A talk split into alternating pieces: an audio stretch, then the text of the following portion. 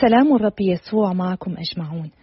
معكم ماريز فرنجي وأرحب بكم في مسيرة مع الكتاب المقدس في هذه السنة الجديدة.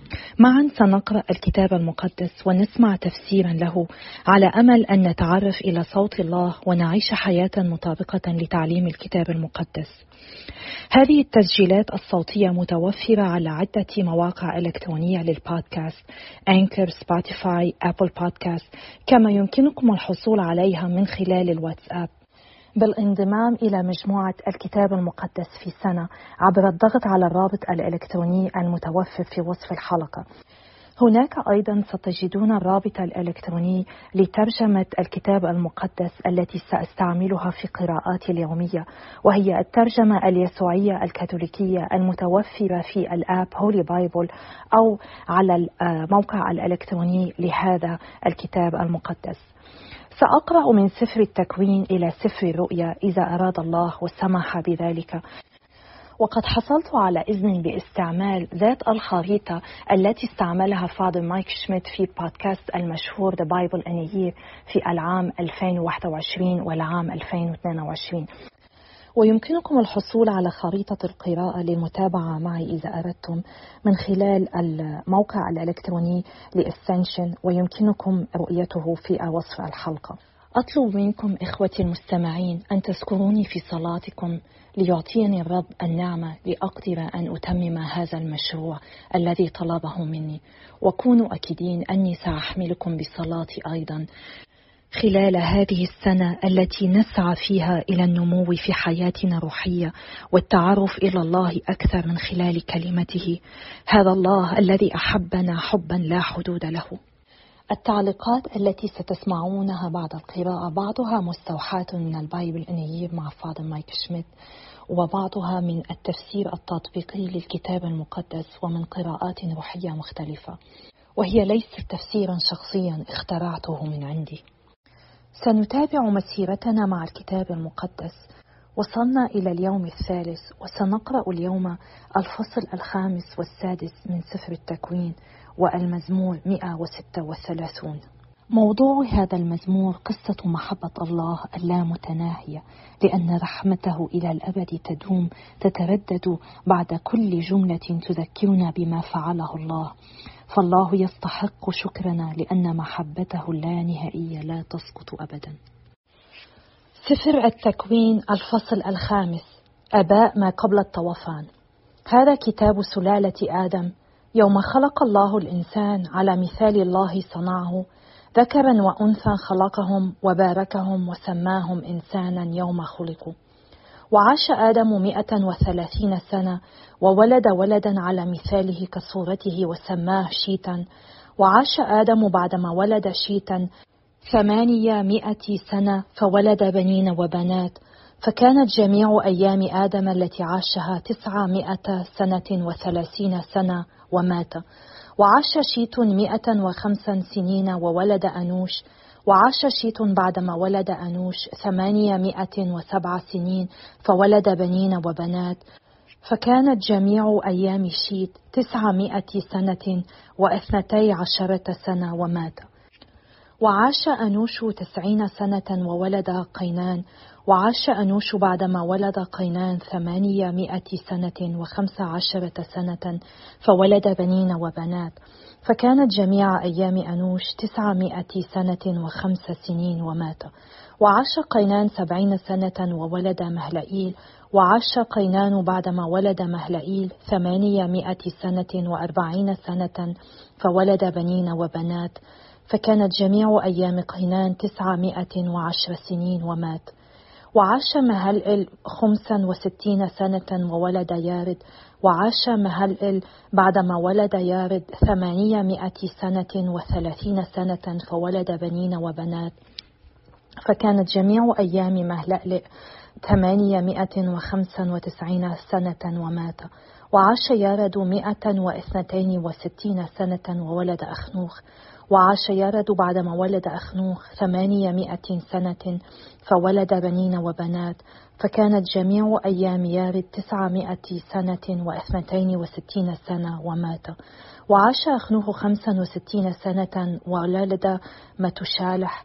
وسار أخنوخ مع الله وعاش أخنوخ بعدما ولد متشالح ثلاثمائة سنة فولد بنين وبنات. فكانت جميع أيام أخنوخ ثلاثمائة سنة وخمسا وستين سنة. وسار أخنوخ مع الله ولم يكن بعد ذلك لأن الله أخذه. وعاش متشالح مئة سنة وسبعا وثمانين سنة وولد لامك. وعاش متشالح بعدما ولد لامك.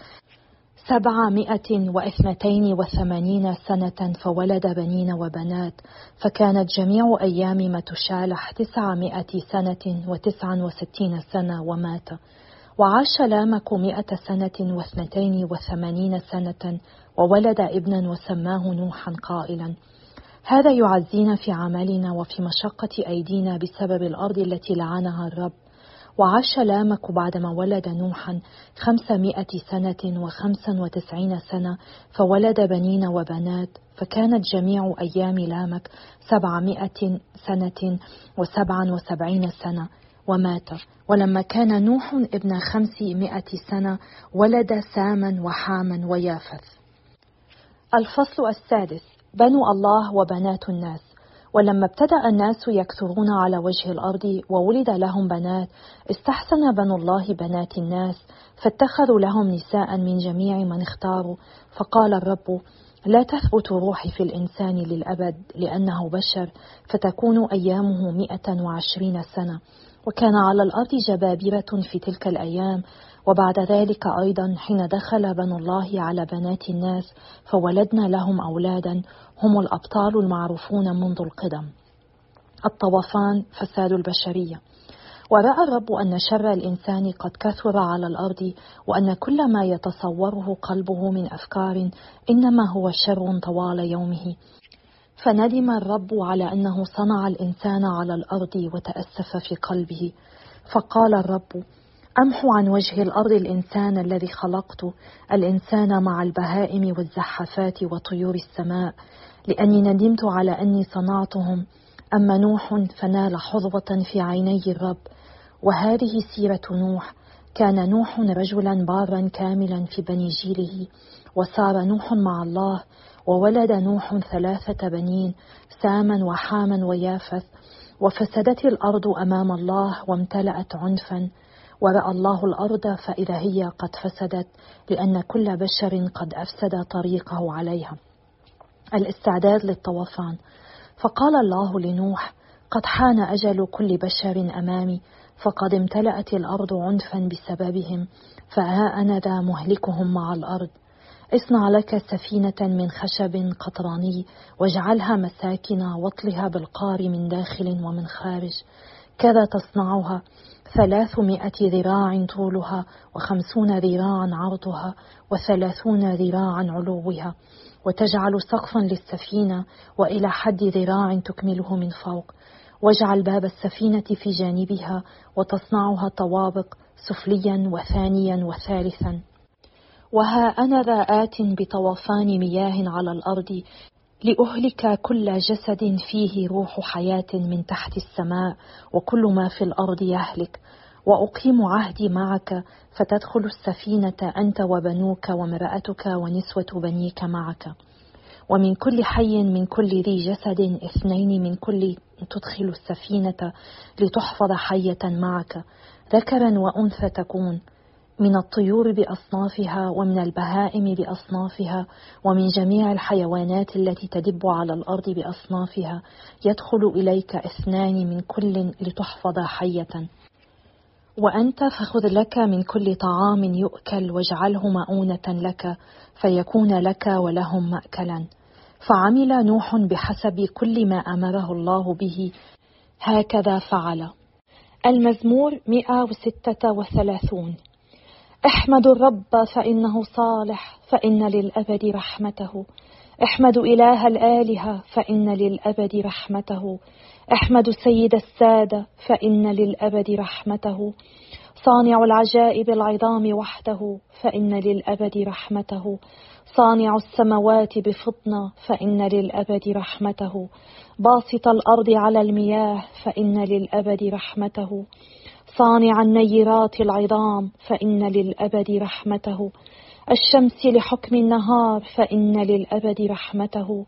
والقمر والكواكب لحكم الليل فإن للأبد رحمته. ضارب مصر في أبكارها فإن للأبد رحمته. مخرج إسرائيل من بينهم فإن للأبد رحمته. بيد قوية وذراع مبسوطة فإن للأبد رحمته. قاسم بحر القصب إلى قسمين فإن للأبد رحمته.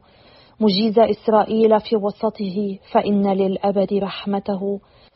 موقع فرعون وجيشه فإن للأبد رحمته. مسير شعبه في البرية فإن للأبد رحمته. ضارب ملوك عظماء فإن للأبد رحمته. وقاتل ملوك مقتدرين فإن للأبد رحمته. سيحون ملك الأموريين فإن للأبد رحمته. وعوج ملك باشان فإن للأبد رحمته. ومعطي أرضهم ميراثا فإن للأبد رحمته. ميراثا لإسرائيل عبده فإن للأبد رحمته. هو الذي ذكرنا في مذلتنا فإن للأبد رحمته. وانتشلنا من مضايقين فإن للأبد رحمته. الذي يرزق كل ذي بشر خبزه فإن للأبد رحمته. احمد إله السماوات فإن للأبد رحمته.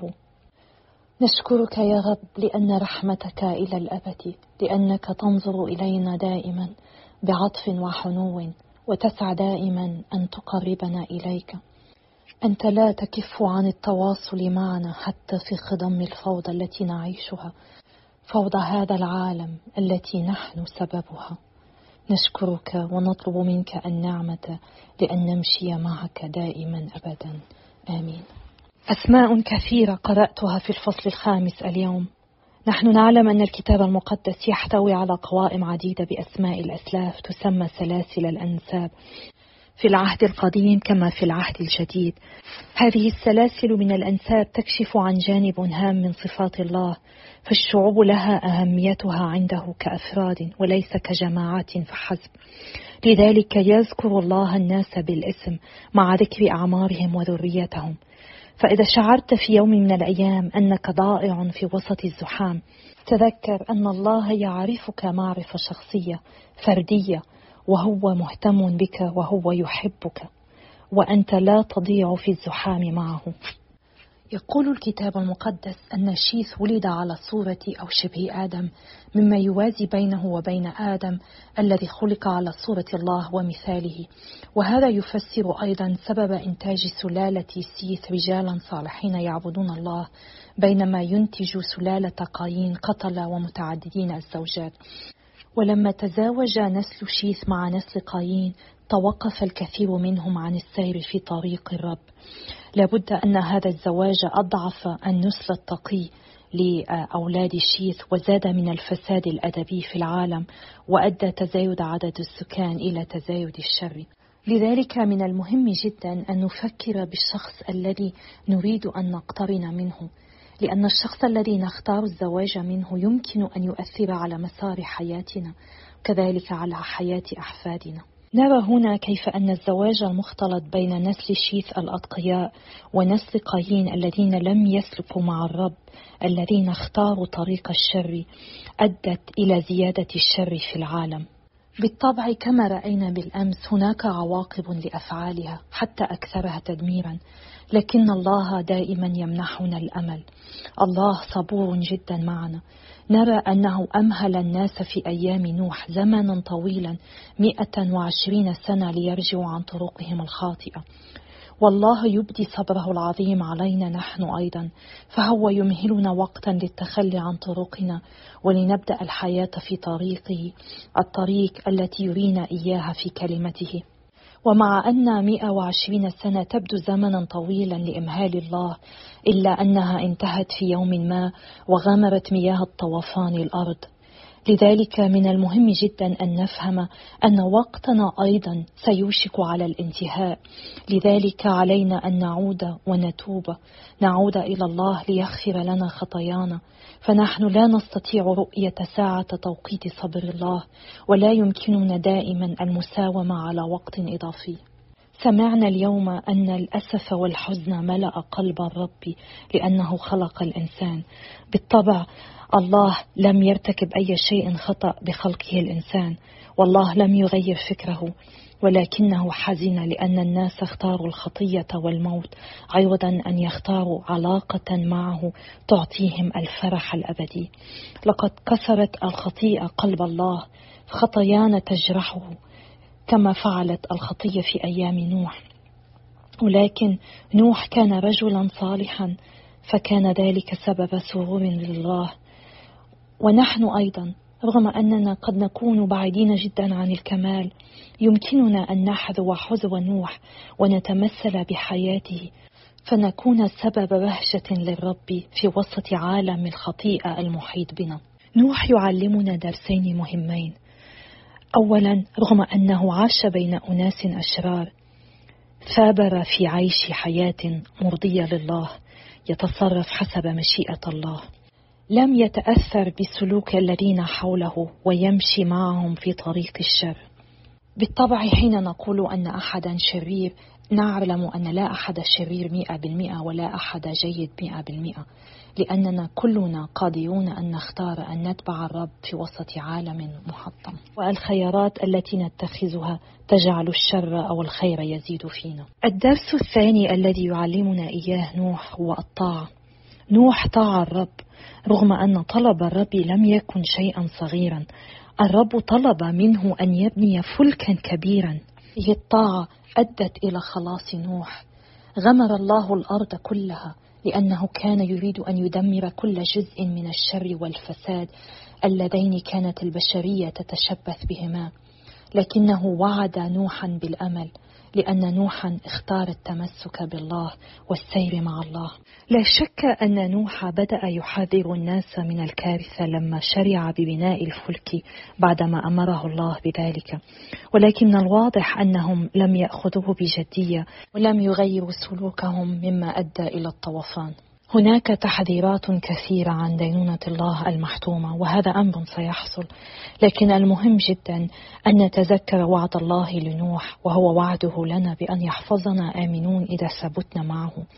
وهذا يجب أن يشجعنا على الاتكال على الله لينقذنا من الدينونة التي لا بد أن تأتي. أود التعليق على الرقم 120 سنة التي ذكرتها منذ قليل. بعض علماء الكتاب المقدس يعتقدون الله أعطى البشر 120 سنة قبل الطوفان. من بعد أن قال لن تطول أيامه أكثر من 120 سنة فقط لأنه بالطوفان قضي على كل البشرية ما عدا الذين دخلوا فلك نوح. يمكننا أن نستخلص كل قراءاتنا في هذه الجملة. إذا تشبثنا بالله إذا ثبتنا معه حتى في وسط عواصف الحياة فهو أمين وهو سيواصل رفعنا كما فعل مع نوح. تأمل نحن مثل نوح نعيش في عالم مليء بالشر فهل نحن نؤثر في الآخرين أم نتأثر بهم؟ هل نحن نسير مع الله أم نسير مع هذا العالم المليء بالشر؟ أتشكر إصغاءكم وصلواتكم وأشجعكم على مشاركة الآخرين في هذه التسجيلات لكي نسعى لإيصال كلمة الله إلى أكبر عدد من الناس. والله يبارك كل جهودنا.